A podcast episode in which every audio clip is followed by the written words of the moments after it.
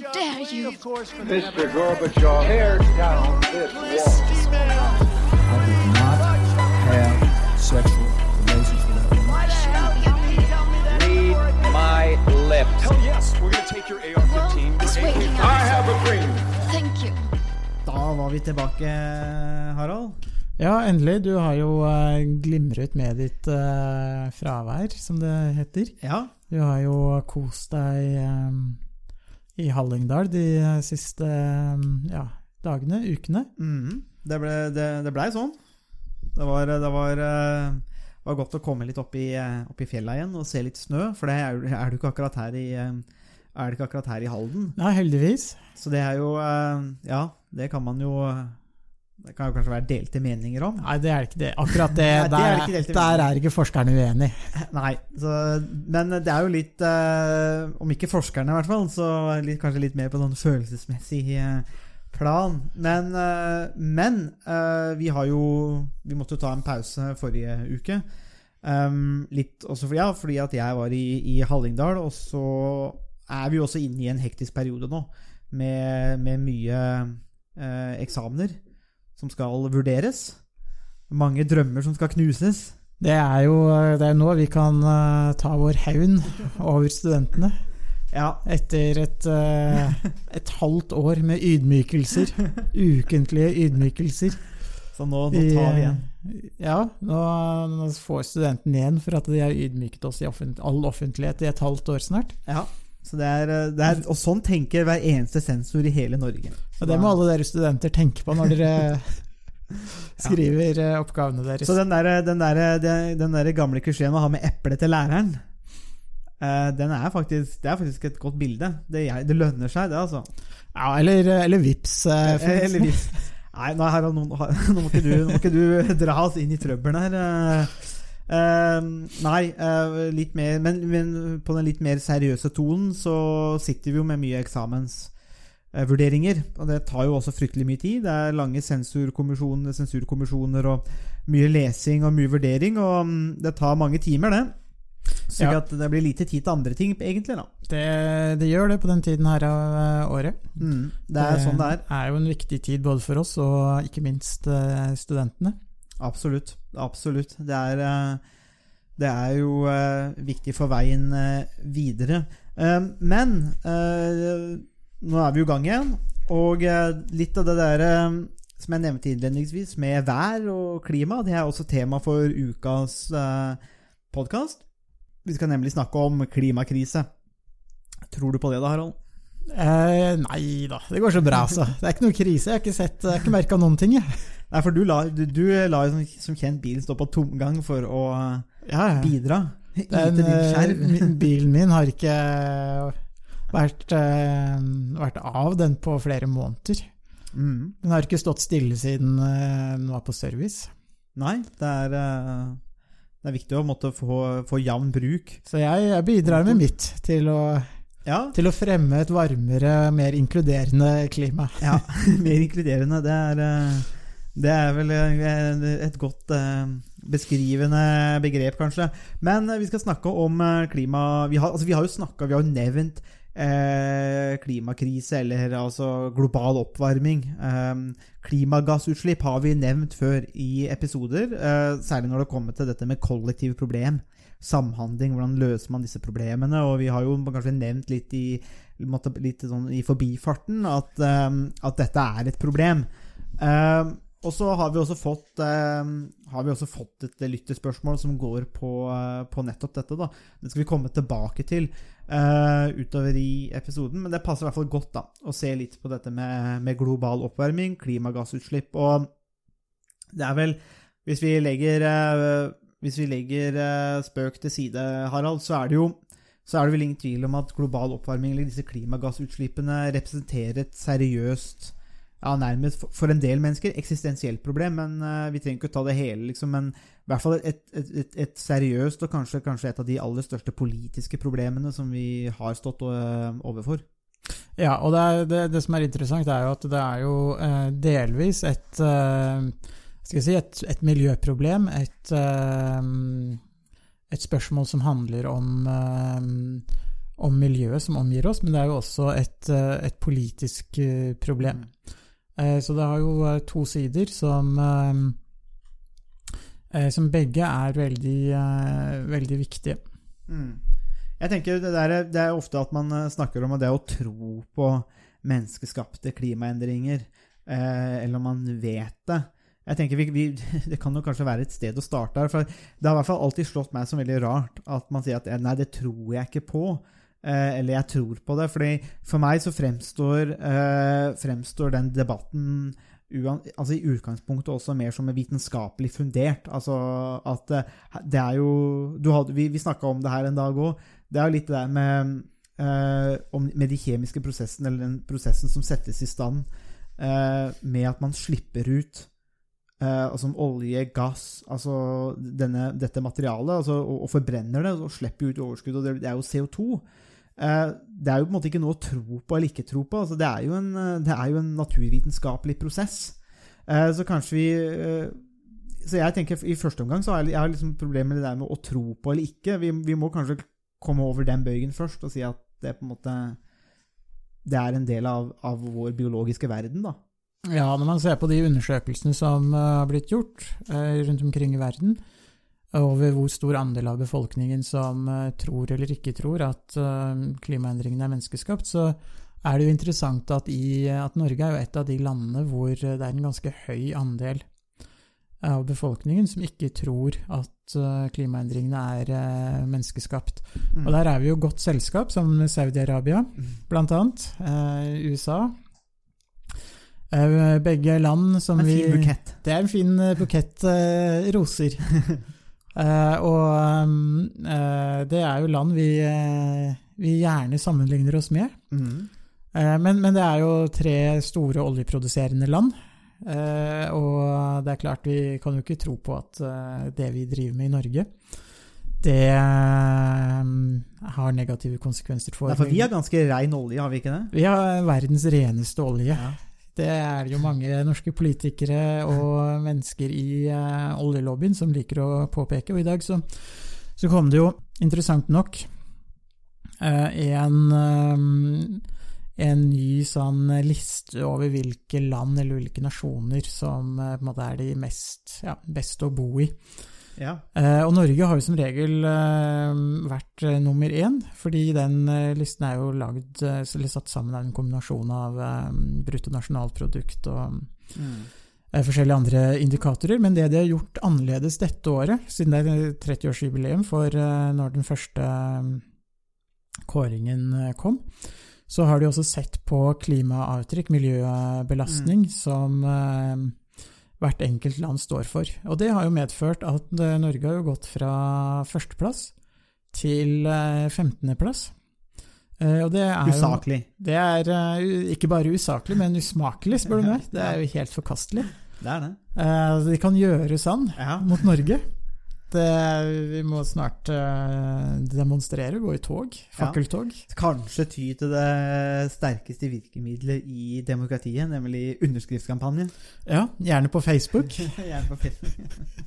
Eh, Så det sier jo litt om, eh, jo litt om, eh, om at eh, Norge er jo en, eh, en nasjon som, eh, som er med i aller høyeste grad på å skape en del av de, eh, de problemene som uh, skaper klimaendringer, rett og slett. Og det, det som er interessant, det er jo altså hvorfor uh, Det som er det sentrale spørsmålet, er jo hvorfor tenker vi at uh, klimaendringene er menneskeskapt? Hva er det som er Hvordan er det vi kan vite Mm. at klimaendringene er menneskeskapt? Og det er jo det sentrale spørsmålet. Og de som avviser at klimaendringene er menneskeskapt, de, de, tenker, de argumenterer jo for at det har vært eh, naturlige klimaendringer i eh, historien. At man, hvis man går tilbake til 1600-tallet, så snakker man jo om eh, eh, den lille istiden eh, i en periode på, på 1600-tallet. Mm. Og hvis man går tilbake til middelalderen, vikingtiden, så var det jo et, eh, et mildere klima i, eh, i Norge enn det vi har i dag. eh, I hvert fall mange steder i, i Norge. Og høyere vannstand.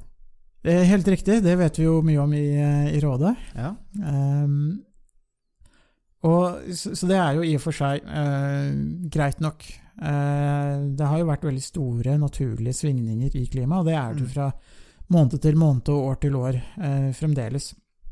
Eh, men eh, det som er interessant, er jo to forhold eh, som gjør at man kan konkludere med at klimaendringene mest sannsynlig er menneskeskapt. Og det ene er jo, som du var inne på, den rent fysiske og kjemiske prosessen. Når man brenner ved, f.eks., Mm.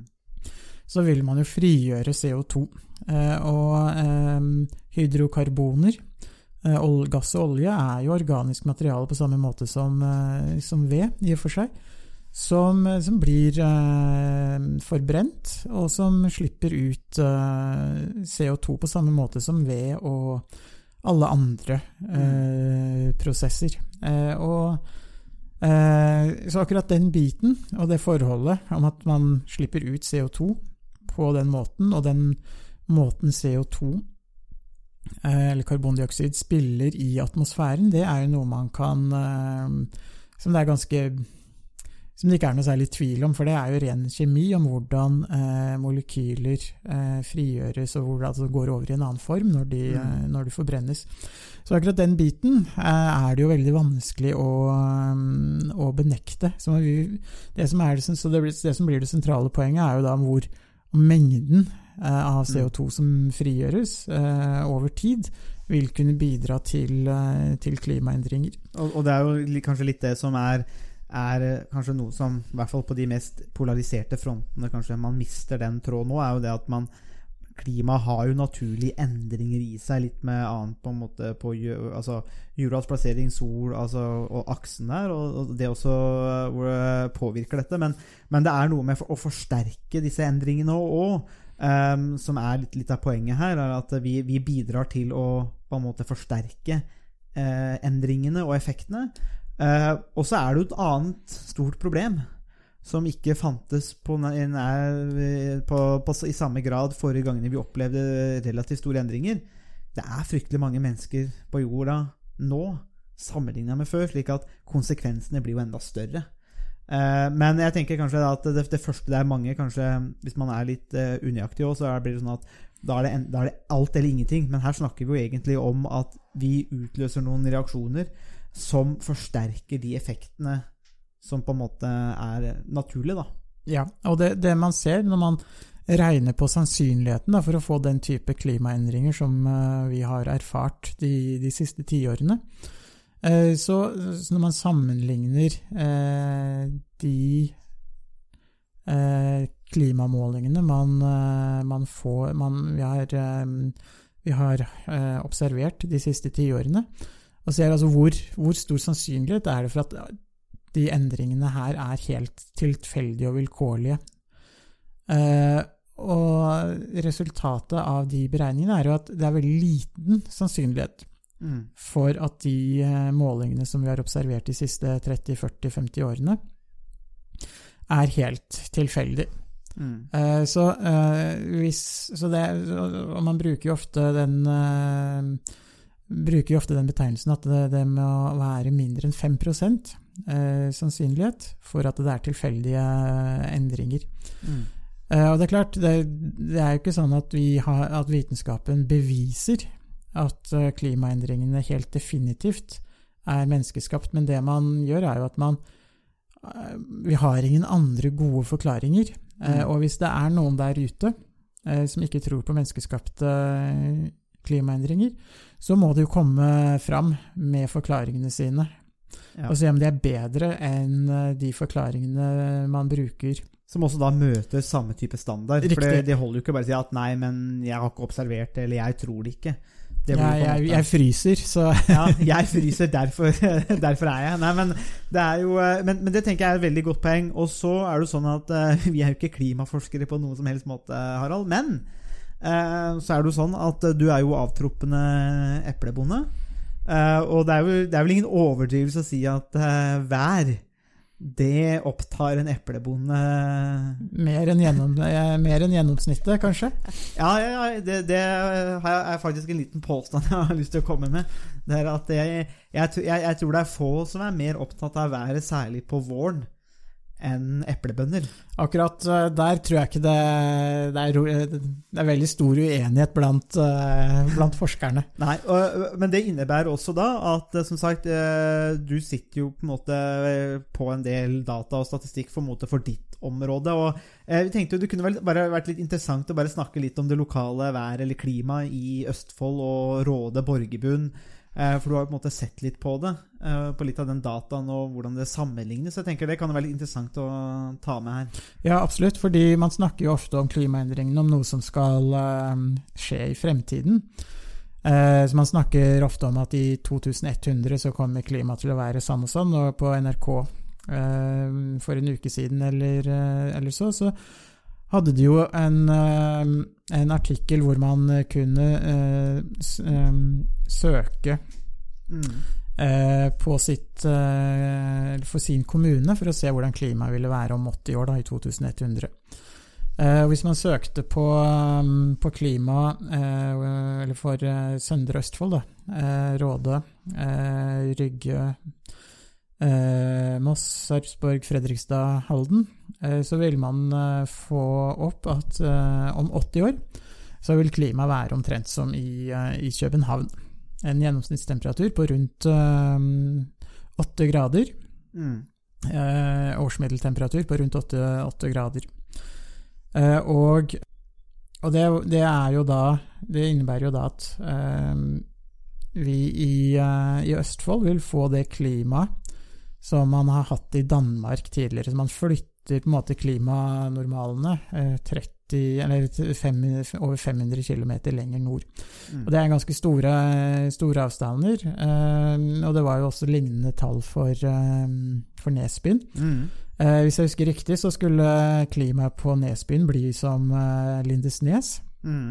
Eh, akkurat der, selv om jeg ikke er klimaforsker, så er jeg litt usikker på om det faktisk vil stemme. Fordi Nesbyen er jo et, eh, er jo et innland, har jo et innlandsklima. Mm. Mens Lindesnes har jo et veldig utprega kystklima, så jeg vil tenke at selv, selv i 2100 så vil, eh, vil Hallingdal og Nesbyen nok Mm. kanskje i, i gjennomsnitt ha den samme årsmiddeltemperaturen som Lindesnes, men antagelig høyere maksimumstemperatur og lavere minimumstemperatur. Ja, det, det er jo interessant, egentlig. At, eh, ja, jeg husker det at det også sto det der med type Lindesnes, men et kystklima blir jo litt, eh, er jo litt annerledes i utgangspunktet. Eh, Nesbyen og, og særlig Nesbyen ligger jo i, i, i innland og ligger jo en slags gryte òg, så det er liksom et litt sånn eget spesielt. Men det blir jo spennende å se.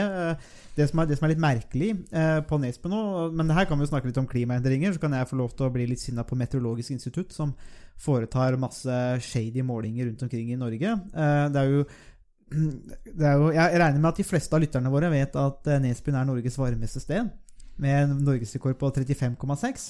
Eh, Men det som er veldig rart, er, er det, og det her er sånn merkelig sånn vitenskapelig noen ganger òg, er det at de flytta målstasjon, Og etter det så har Nesbyen nesten aldri vært på topp, og vi måler ikke de samme temperaturene som vi har gjort siden eh, 1930-tallet. Um, mens man, eh, men, men det er da veldig offisielle målinger, som man antar at eh, For Nesbyen er, er, er måte den høyeste kategorien av målestasjoner, så der er alt perfekt. Eller altså alt er på høyest nivå. Ja, men, men det er fordi at Som, som alt annet i Nesbyen. som, som alt annet i Nesbyen.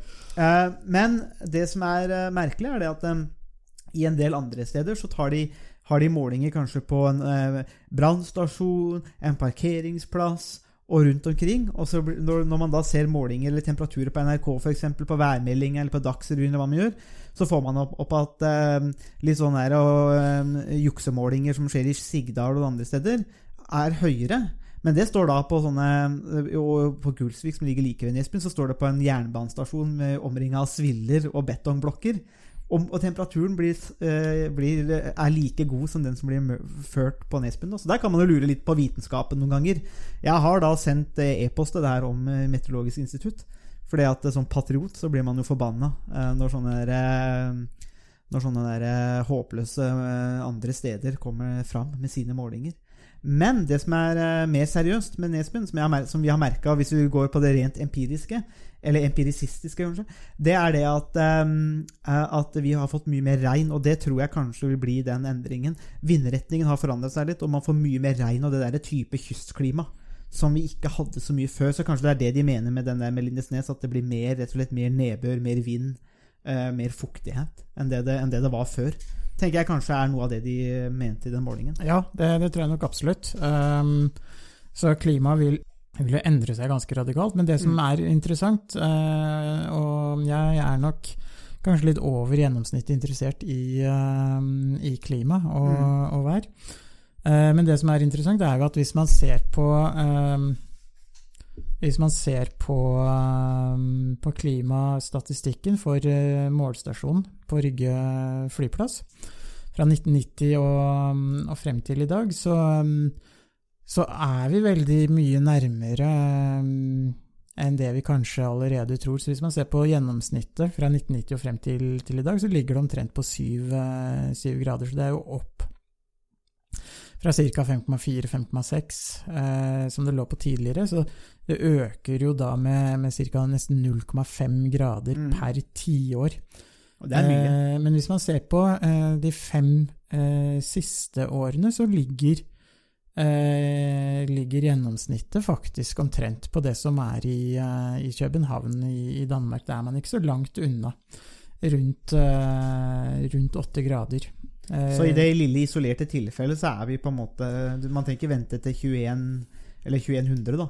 Nei, 2100. Vi ja. er på en måte der allerede. Ja, ja, så altså, langt på vei. ja, altså man kan si altså Fem år er jo altfor lite Ja. kort periode, så man må og klima, eller meteorologene de ser jo på Når de lager klimanormaler, så bruker de jo perioder på 30 år Mm. eh, for å utjevne en del av de naturlige variasjonene og forskjellene. Men eh, hvis man ser på, på temperaturen de siste fem, eh, fem årene, så, så ligger det faktisk litt rundt altså Ganske nærme det klimaet man har i, eh, i København, eller, eller hadde Mer korrekt, da hadde i København for 30 år siden, for Ja. nå har jo de et, eh, også et mye varmere, varmere klima, men klimaendringene går jo raskere jo lenger nord man, eh, Mm. man kommer også. Men det som er interessant, er at så hvis man husker tilbake da, på en del av de, eh, de siste fire-fem årene, så er det så er det det været vi har hatt nå de siste årene, som vil være fremtiden eh, framover. Eh, så, vi, eh, så vi er ikke så langt unna, eh, kanskje, Mm. som det noen, noen tror. Vi, vi nærmer oss med stormskritt, og ser vi på eh, klima for eh, målstasjonen som, eh, som står på, på Borgerbunn. Eh, så, som er en, det er en ganske nøyaktig stasjon, som egentlig er eh, mer sånn for eh, Som i og for seg er omtrent like nøyaktig som mange av de som eh, Mm. Meteorologisk institutt bruker.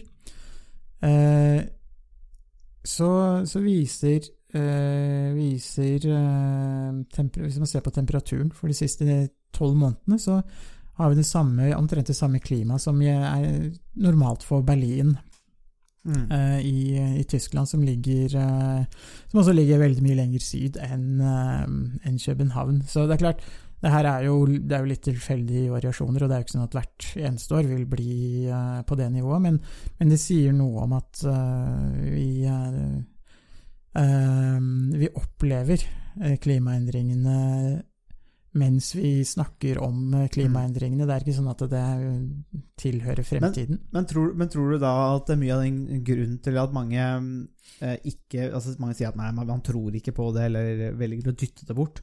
Eh, tror du det har noe med at eh, man på en måte prøver å eksternalisere det, og så bare måte dytte det over på noe som er mer sånn uforklarlig? At det, er litt mer sånn der Indre indremedisin, eller eh, å unngå å på en måte ta den konfrontasjonen? For at hvis man sier at nei, det her har vi ikke kontroll over, dette er eksterne faktorer, så, så trenger man på en måte altså, det, det, blir, altså, det blir jo som å pisse i buksa, da, men altså på en måte, men, men samtidig så dytter man på en måte bort ansvaret for egen handling og noe som er veldig Og det her er jo det vi skal snakke om i resten av podkasten. Hvordan i alle dager skal man begynne å angripe den utfordringen? Men tror du det har noe med det at eh, man man, man sier hele tida, sånn sånn- sånn som nå da med NRK Hvordan blir klimaet ditt i eh, 2100? Ikke sant? Det er jo langt borte. Eh, du kan jo vise til data som viser at du trenger ikke se så langt engang. Men tror du at noen grunn til at vi dytter det på en måte at eh, sånne ting er sånn Se hvordan det er om 100 år, eh, og at det er, ikke, det er ikke vi som har gjort det. At Er det et slags menneskelig behov eller en slags menneskelig trend om at vi måtte gjerne ikke har vi, Det er bedre når vi på en måte ikke har kontroll over det, på en måte sånne ting, for da kan vi på en måte dytte vekk ansvaret? Tror du det ligger noe der? Ja, ut, uten tvil. Jeg tror det er, det er, og det er jo også noe menneskelig. Det som er noe av problemet med klimaendringene, er jo at vi Det er mye vanskeligere å ta beslutninger som vil ha kostnader i dag, og en mulig gevinst i Mm. fremtiden. Vi vil gjerne ha gevinsten i dag, Mm. eh, og vi vet ikke hva kostnaden vil være i fremtiden. Og eh, det, er, det, det som er litt påfallende med de tallene jeg, jeg nevnte innledningsvis om eh, Norge, Saudi-Arabia og USA, som er tre av de landene som, hvor det er flest som eh, tror eh, klimaendringene ikke er menneskeskapt, er jo nettopp det at alle de tre landene er jo store oljeprodusenter, og man har jo en, eh, nesten et slags sånn insentiv til å fjerne seg litt fra virkeligheten,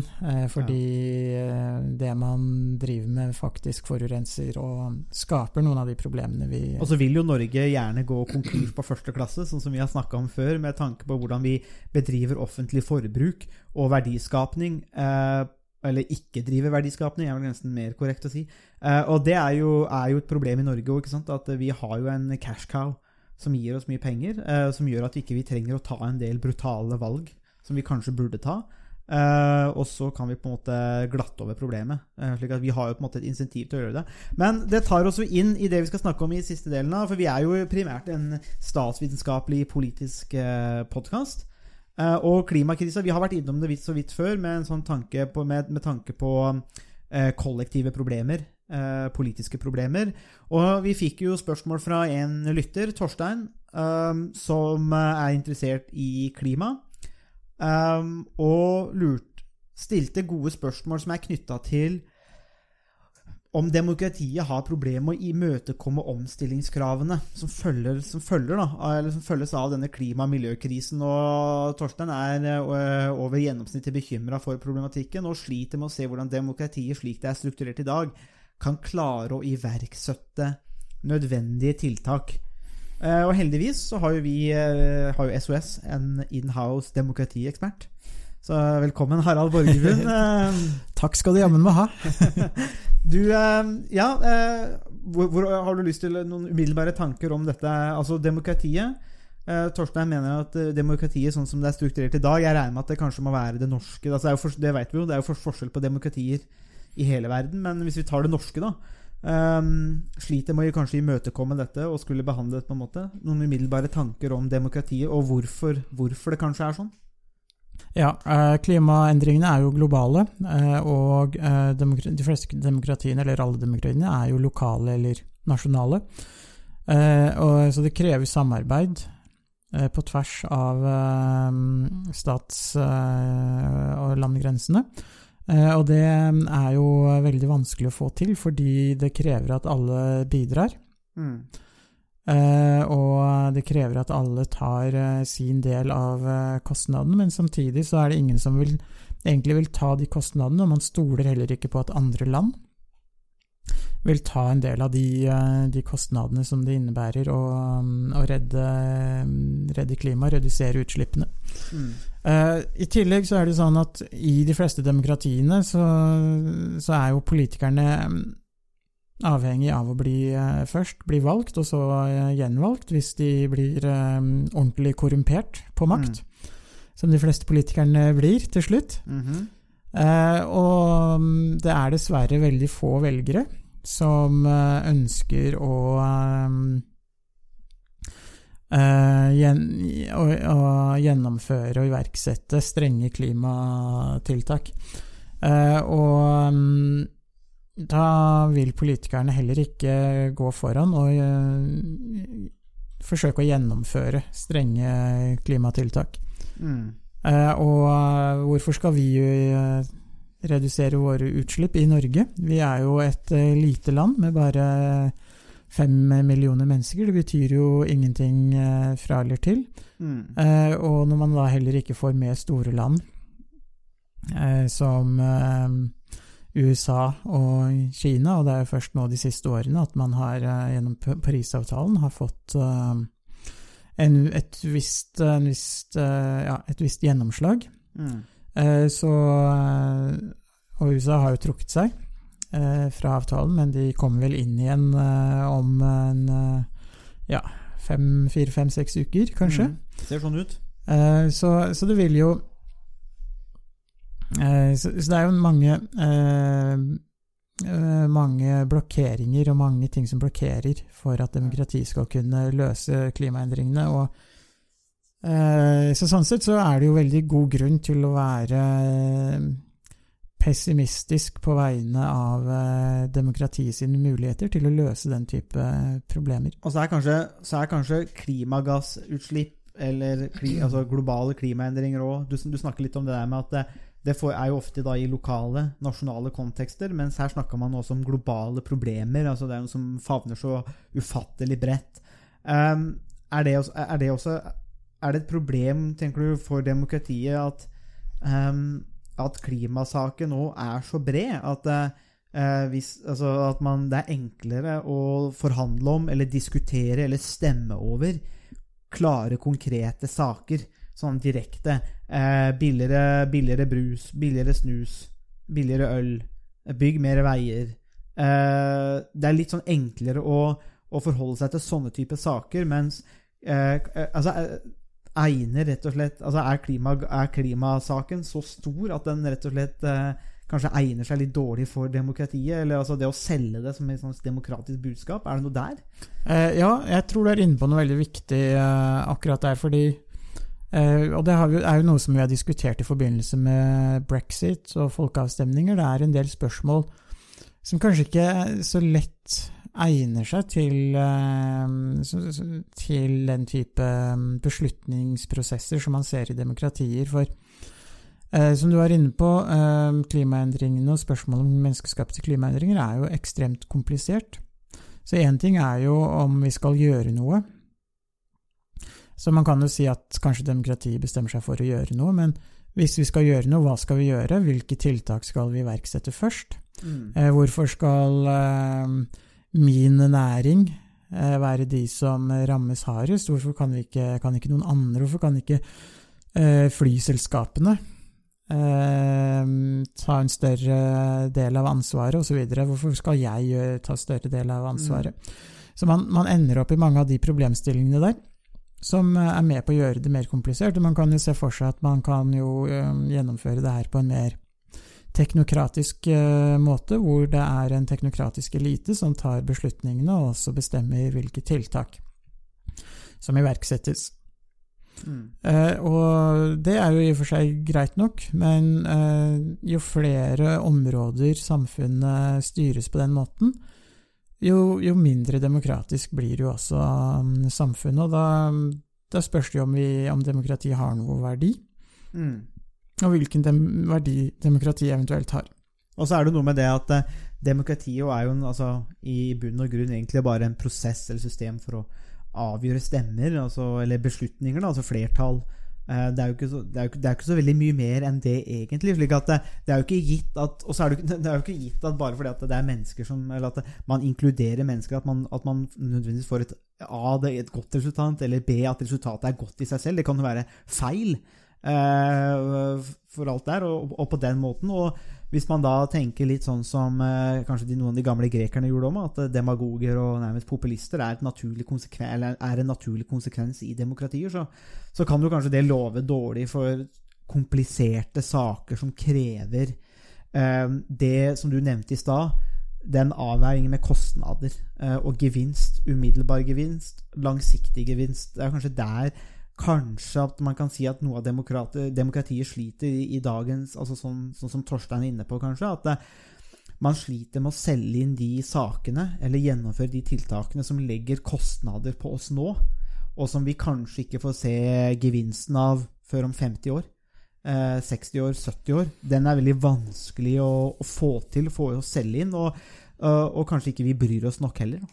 Eh, Uten tvil, og det her er jo også litt sånn Det handler jo også litt om eh, om hvilke tiltak som eh, som er nødvendige, det som, men det som er kanskje nødvendig uansett hvordan man snur og vender på det, er jo at samfunn, uavhengig av om det er demokratisk, uavhengig av om man tror klimaendringene er menneskeskapt eller ikke, er jo at man tilpasser seg eh, de klimaendringene som man observerer.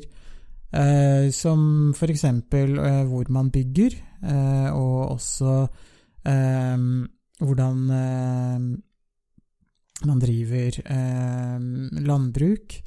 Eh, hvordan man driver utvinning av andre naturressurser osv. osv. Mm. Så, så uansett eh, hvordan man snur og vender på, på det, så må ethvert samfunn tilpasse seg de endringene som, eh, som skjer. Og hvis man ikke gjør det, så, går man, så har man i hvert fall gravd uh, seg ned med hodet godt uh, planta ned i, uh, i sanda. Ja, I kvikkleira. Som Som- kanskje raser bort, og så er man borte. Da er man eh, borte for godt. Ja, Det er jo det som kan skje. Men jeg tenker det der med eh, Som er noe inne på der altså hvordan, det, er, det, er, et problem som henger med altså Også fra den lange debatten med utilitarismen. altså dette med eh, å maksimere nytte for folk. Eller, eh, med, der, men utilitarismen også sliter jo med den kortsiktige versus langsiktige kalkylen. Altså hvordan, hvordan kalkulerer du gevinster du ikke kan få se noe av nå. Altså, vi snakker jo det om at vi må ta vare på jorda for, for våre barn og barnebarn og kommende generasjoner. Um, og selv om det intuitivt gir mening, så ser vi ikke at det, at det nødvendigvis omsettes i, eh, i praksis i politikk. Og det er jo kanskje, kanskje noe av det som er litt skummelt da, med det systemet vi har nå. At vi, vi sliter med de insentivene. Og det er det som er det merkelige med mennesker òg, for det, vi har jo på en måte en kapasitet til å elske og ta vare på vår familie og venner og, og disse tingene. Vi bryr oss jo veldig om familie og barn og alt mulig sånne ting. Samtidig så har vi en kapasitet til å gi totalt blaffen eller slippe løs så ødeleggende krefter som virker mot eh, de drømmene vi har for kommende generasjoner. Og det er jo litt sånn merkelig menneskelig paradoks. Ja, det, det er det. Og det, er, og det her er jo noe som men, mennesker har gjort. Det er en situasjon som man i og for seg har eh, stått i eh, Som menneskeheten har stått i flere ganger. Altså sånn som eh, de som drepte den siste mammuten, eller de på Påskeøya som hogde ned det siste treet. Mm. Uh, og den type altså Påskeøya var jo på mange måter avhengig av uh, skogen og trær for å flytte de store statuene og sånne ting. Så og det er litt sånn, aliens? Ja, nei, det var, det var de som bygde pyramidene, det. Å ja, var det det, ja? Ja, ok. ok. Jeg må bare få de der steinstrukturene mine plassert korrekt. Da- Du, du surrer med det hver eneste gang. Jeg vet, det, er, det er ikke så lett. Da må du skjerpe deg, altså.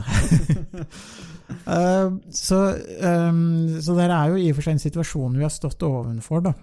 Mm. Uh, gang på gang. Eh, og det som er veldig viktig, er jo at vi, eh, vi kan tilpasse oss uansett.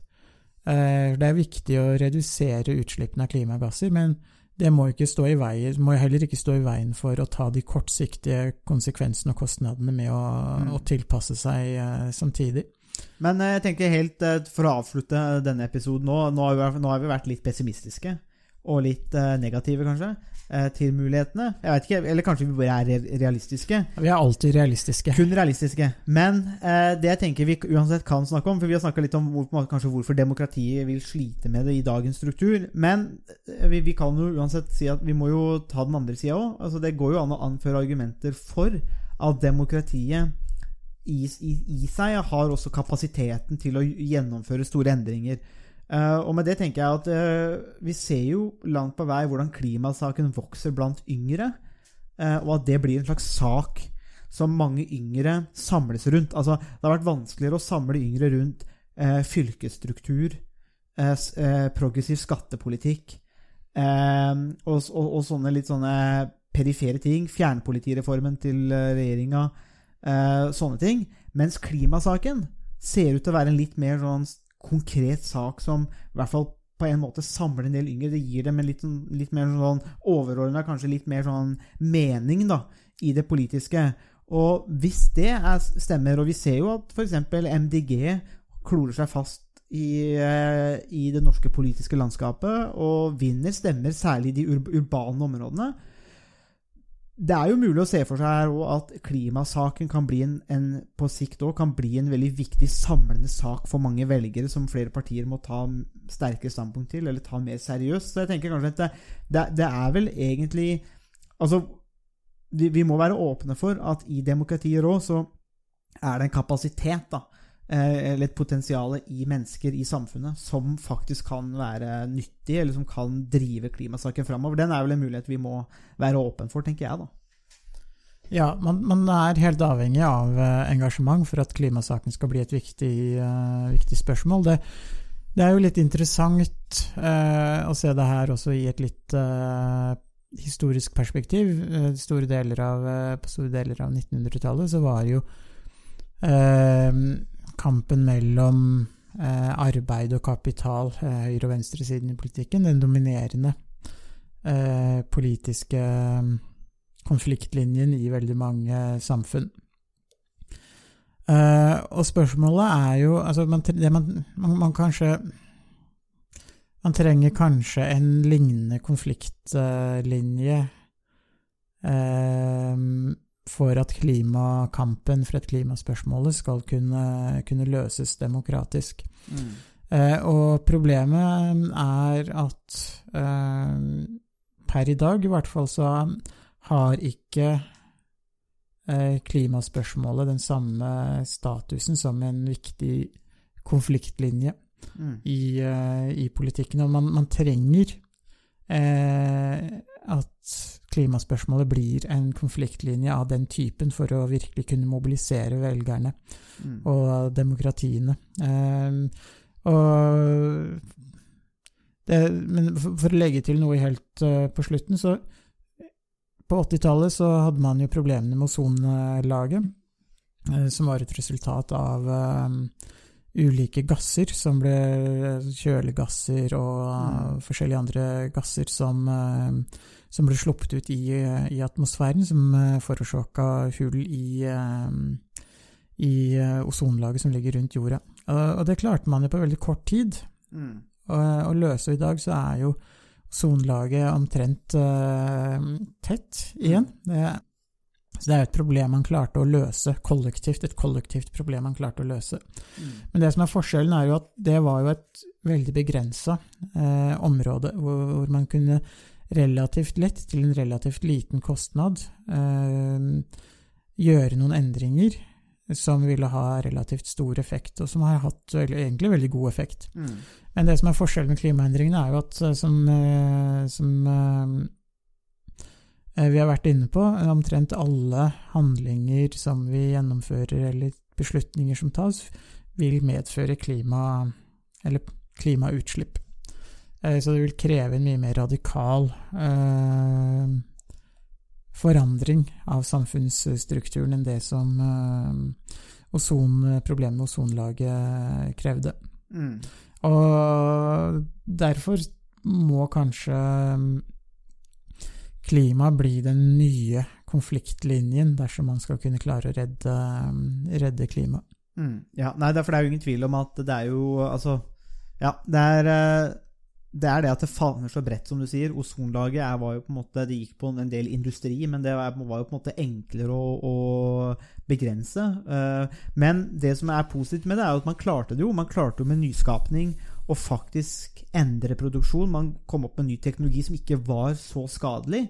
Så det er, jo, det er jo ingen tvil om at det er et potensial blant mennesker å komme på Og det, det tenker jeg må, må jo være det som kanskje er det positive. Da, at vi vet jo at hvis vi setter ressurser eh, til forskning, eh, til innovasjon, eh, til entreprenørskap og, og industri, så kan vi faktisk komme opp med ny teknologi, ny industri, og, og, og dermed eh, kanskje bit for bit adressere en del av de ulike tingene som gir trøbbel for oss klimamessig. Da. Ja, uten tvil. Og, um, og fem, nå fem år etter at Parisavtalen ble undertegnet, så har jo prisene på um, solenergi, vind og andre former for, um, for um, eh, miljøvennlig energi sunket veldig mye. Mm. Eh, og det er jo med på å gjøre det lettere å gjennomføre det såkalte grønne skiftet. Mm. Eh, Spørsmålet er jo hastigheten, om man klarer å redde miljøet før eh, det er eh, for sent. Og et problem som, eh, som vi ikke har vært inne på så langt, er jo eh, det som gjelder tap av artsmangfold og biologisk eh, mangfold, som er en eh, delvis Ja, jeg vet ikke, det er kanskje mer indirekte enn direkte, men det er vel, kanskje, det er vel også en kombinasjon av direkte og indirekte konsekvenser som påvirker eh, tap av artsmangfold i, eh, rundt omkring i verden. Eh, som vi også er veldig avhengig av. Eh, og det er jo alt fra insekter og bier til, eh, til større organismer Mm. og dyr. Så, så der er det jo også et, et veldig viktig spørsmål som kanskje er mer presserende på én måte, mm. men som er veldig tydelig relatert til, til klimautslipp. Mm, helt klart, og det, og det er jo noe som man ser f.eks. i Amazonas, hvor man brenner ned enorme områder med regnskog for at vi skal kjøpe billig soyabønner og sånne ting. Og det er klart at der er, vel, er det jo noen til et eh, eh, Bolsonaro-regime som er despotisk eh, og krakilsk, og hvor det, det burde vært mulig for Norge og andre land å tatt et mye sterkere politisk standpunkt for å redde en del av det artsmangfoldet, og eh, komme opp med litt bedre politiske løsninger der, tenker jeg. Eh, og så er det det siste, artsmangfold, som du sier. Det merker vi til dels i Norge, og nå får man jo også tilskudd for å la noen del av jordene eller sånt stå med blomsterenger, slik at man, så nå kan du søke tilskudd, Harald. Eh, Det, eller det er jo alt gjort. kunne søke tilskudd. Um, eh, men, men det siste som jeg vil nevne da òg, ettersom du nevner det, er bare det at eh, du har det artsmangfoldet, men så er det noe med det at eh, klimaendringene eh, setter også i stand større endringer, slik at en konsekvens av det her kan være tørke i deler av verden som driver mennesker på flukt. Og hvor er det de må da reise? Jo, det er jo gjerne mer mot Europa og land med et litt mer temperert klima som tross ikke har den tørke, og det er der det er velstand og eller i hvert fall materielle muligheter til å leve et bedre liv. Og vi har jo sett hvordan det har påvirka europeisk politikk bare med det, den lille kli, eh, flykt, såkalte flyktningkrisa fra Syria. Og et problem her er jo det at hvis eh, endringene blir større med tørke og folk må på flukt, så vil man få tit, altså kanskje titalls millioner mennesker, kanskje mer, som må et sted. Og hvor skal de? Og får de innpass? Og der ligger det en kime til enda mer konflikt, slik at eh, klimaendringene handler om så fryktelig mye, da, ganske alvorlig politikk, men gjerne i sånne indirekte. altså Man ser det ikke kanskje ikke nødvendigvis konkret, men det så, har så mange indirekte konsekvenser. da. Mm, og veldig mange av de eh, menneskene de eh, reiser jo til Råde. For Ja. Der ligger jo eh, ankomstsenteret som tar imot eh, flyktninger og asylsøkere. Mm. Og det er jo eh, interessant eh, hvordan eh, kanskje klimaendringene kan påvirke Råde på den måten også. Jo, men eh, Og jeg tenker jo det, det, det, det bringer jo på en måte hjem eh, dette poenget med det, globale aspektet med, eh, med klimaendringer. Og nå er det jo også sånn at en del av de som har kommet til Norge, er jo som en del av konflikt. Men poenget her er jo det at med tørke, med områder som blir ubeboelige, så vil man kjempe over ressursene som er tilgjengelig. Det vil tvinge mennesker på flukt. slik at eh, dette er også et, et problem, eller en utfordring, som man er nødt til å forholde seg til da, politisk. Så, eh, så det er jo den klimaendringen der. Har du noen sånn oppløftende ord vi skal avslutte med podkasten med? Jeg Har du bevingende ord? Nei, nei, men jeg har noen realistiske ord. Ja. Nei, altså, jeg, jeg tror det spørsmålet vi har diskutert i dag, er på mange måter det, det store spørsmålet som eh, verden står, eh, står ovenfor. Eh, og sånn som det ser ut i dag, så, så går jo endringene for sakte, og mange av de endringene som er med på å redusere Det er ikke klimaendringene. Klimaendringene går for fort, og de Ja, endringene som skal eh, være med på å Fikse det går for seint. å løse klimaproblemene. Ja, klimaendringene går jo også for sakte. Ja, for, for deg, ja. For meg så går det ikke fort nok. Nei.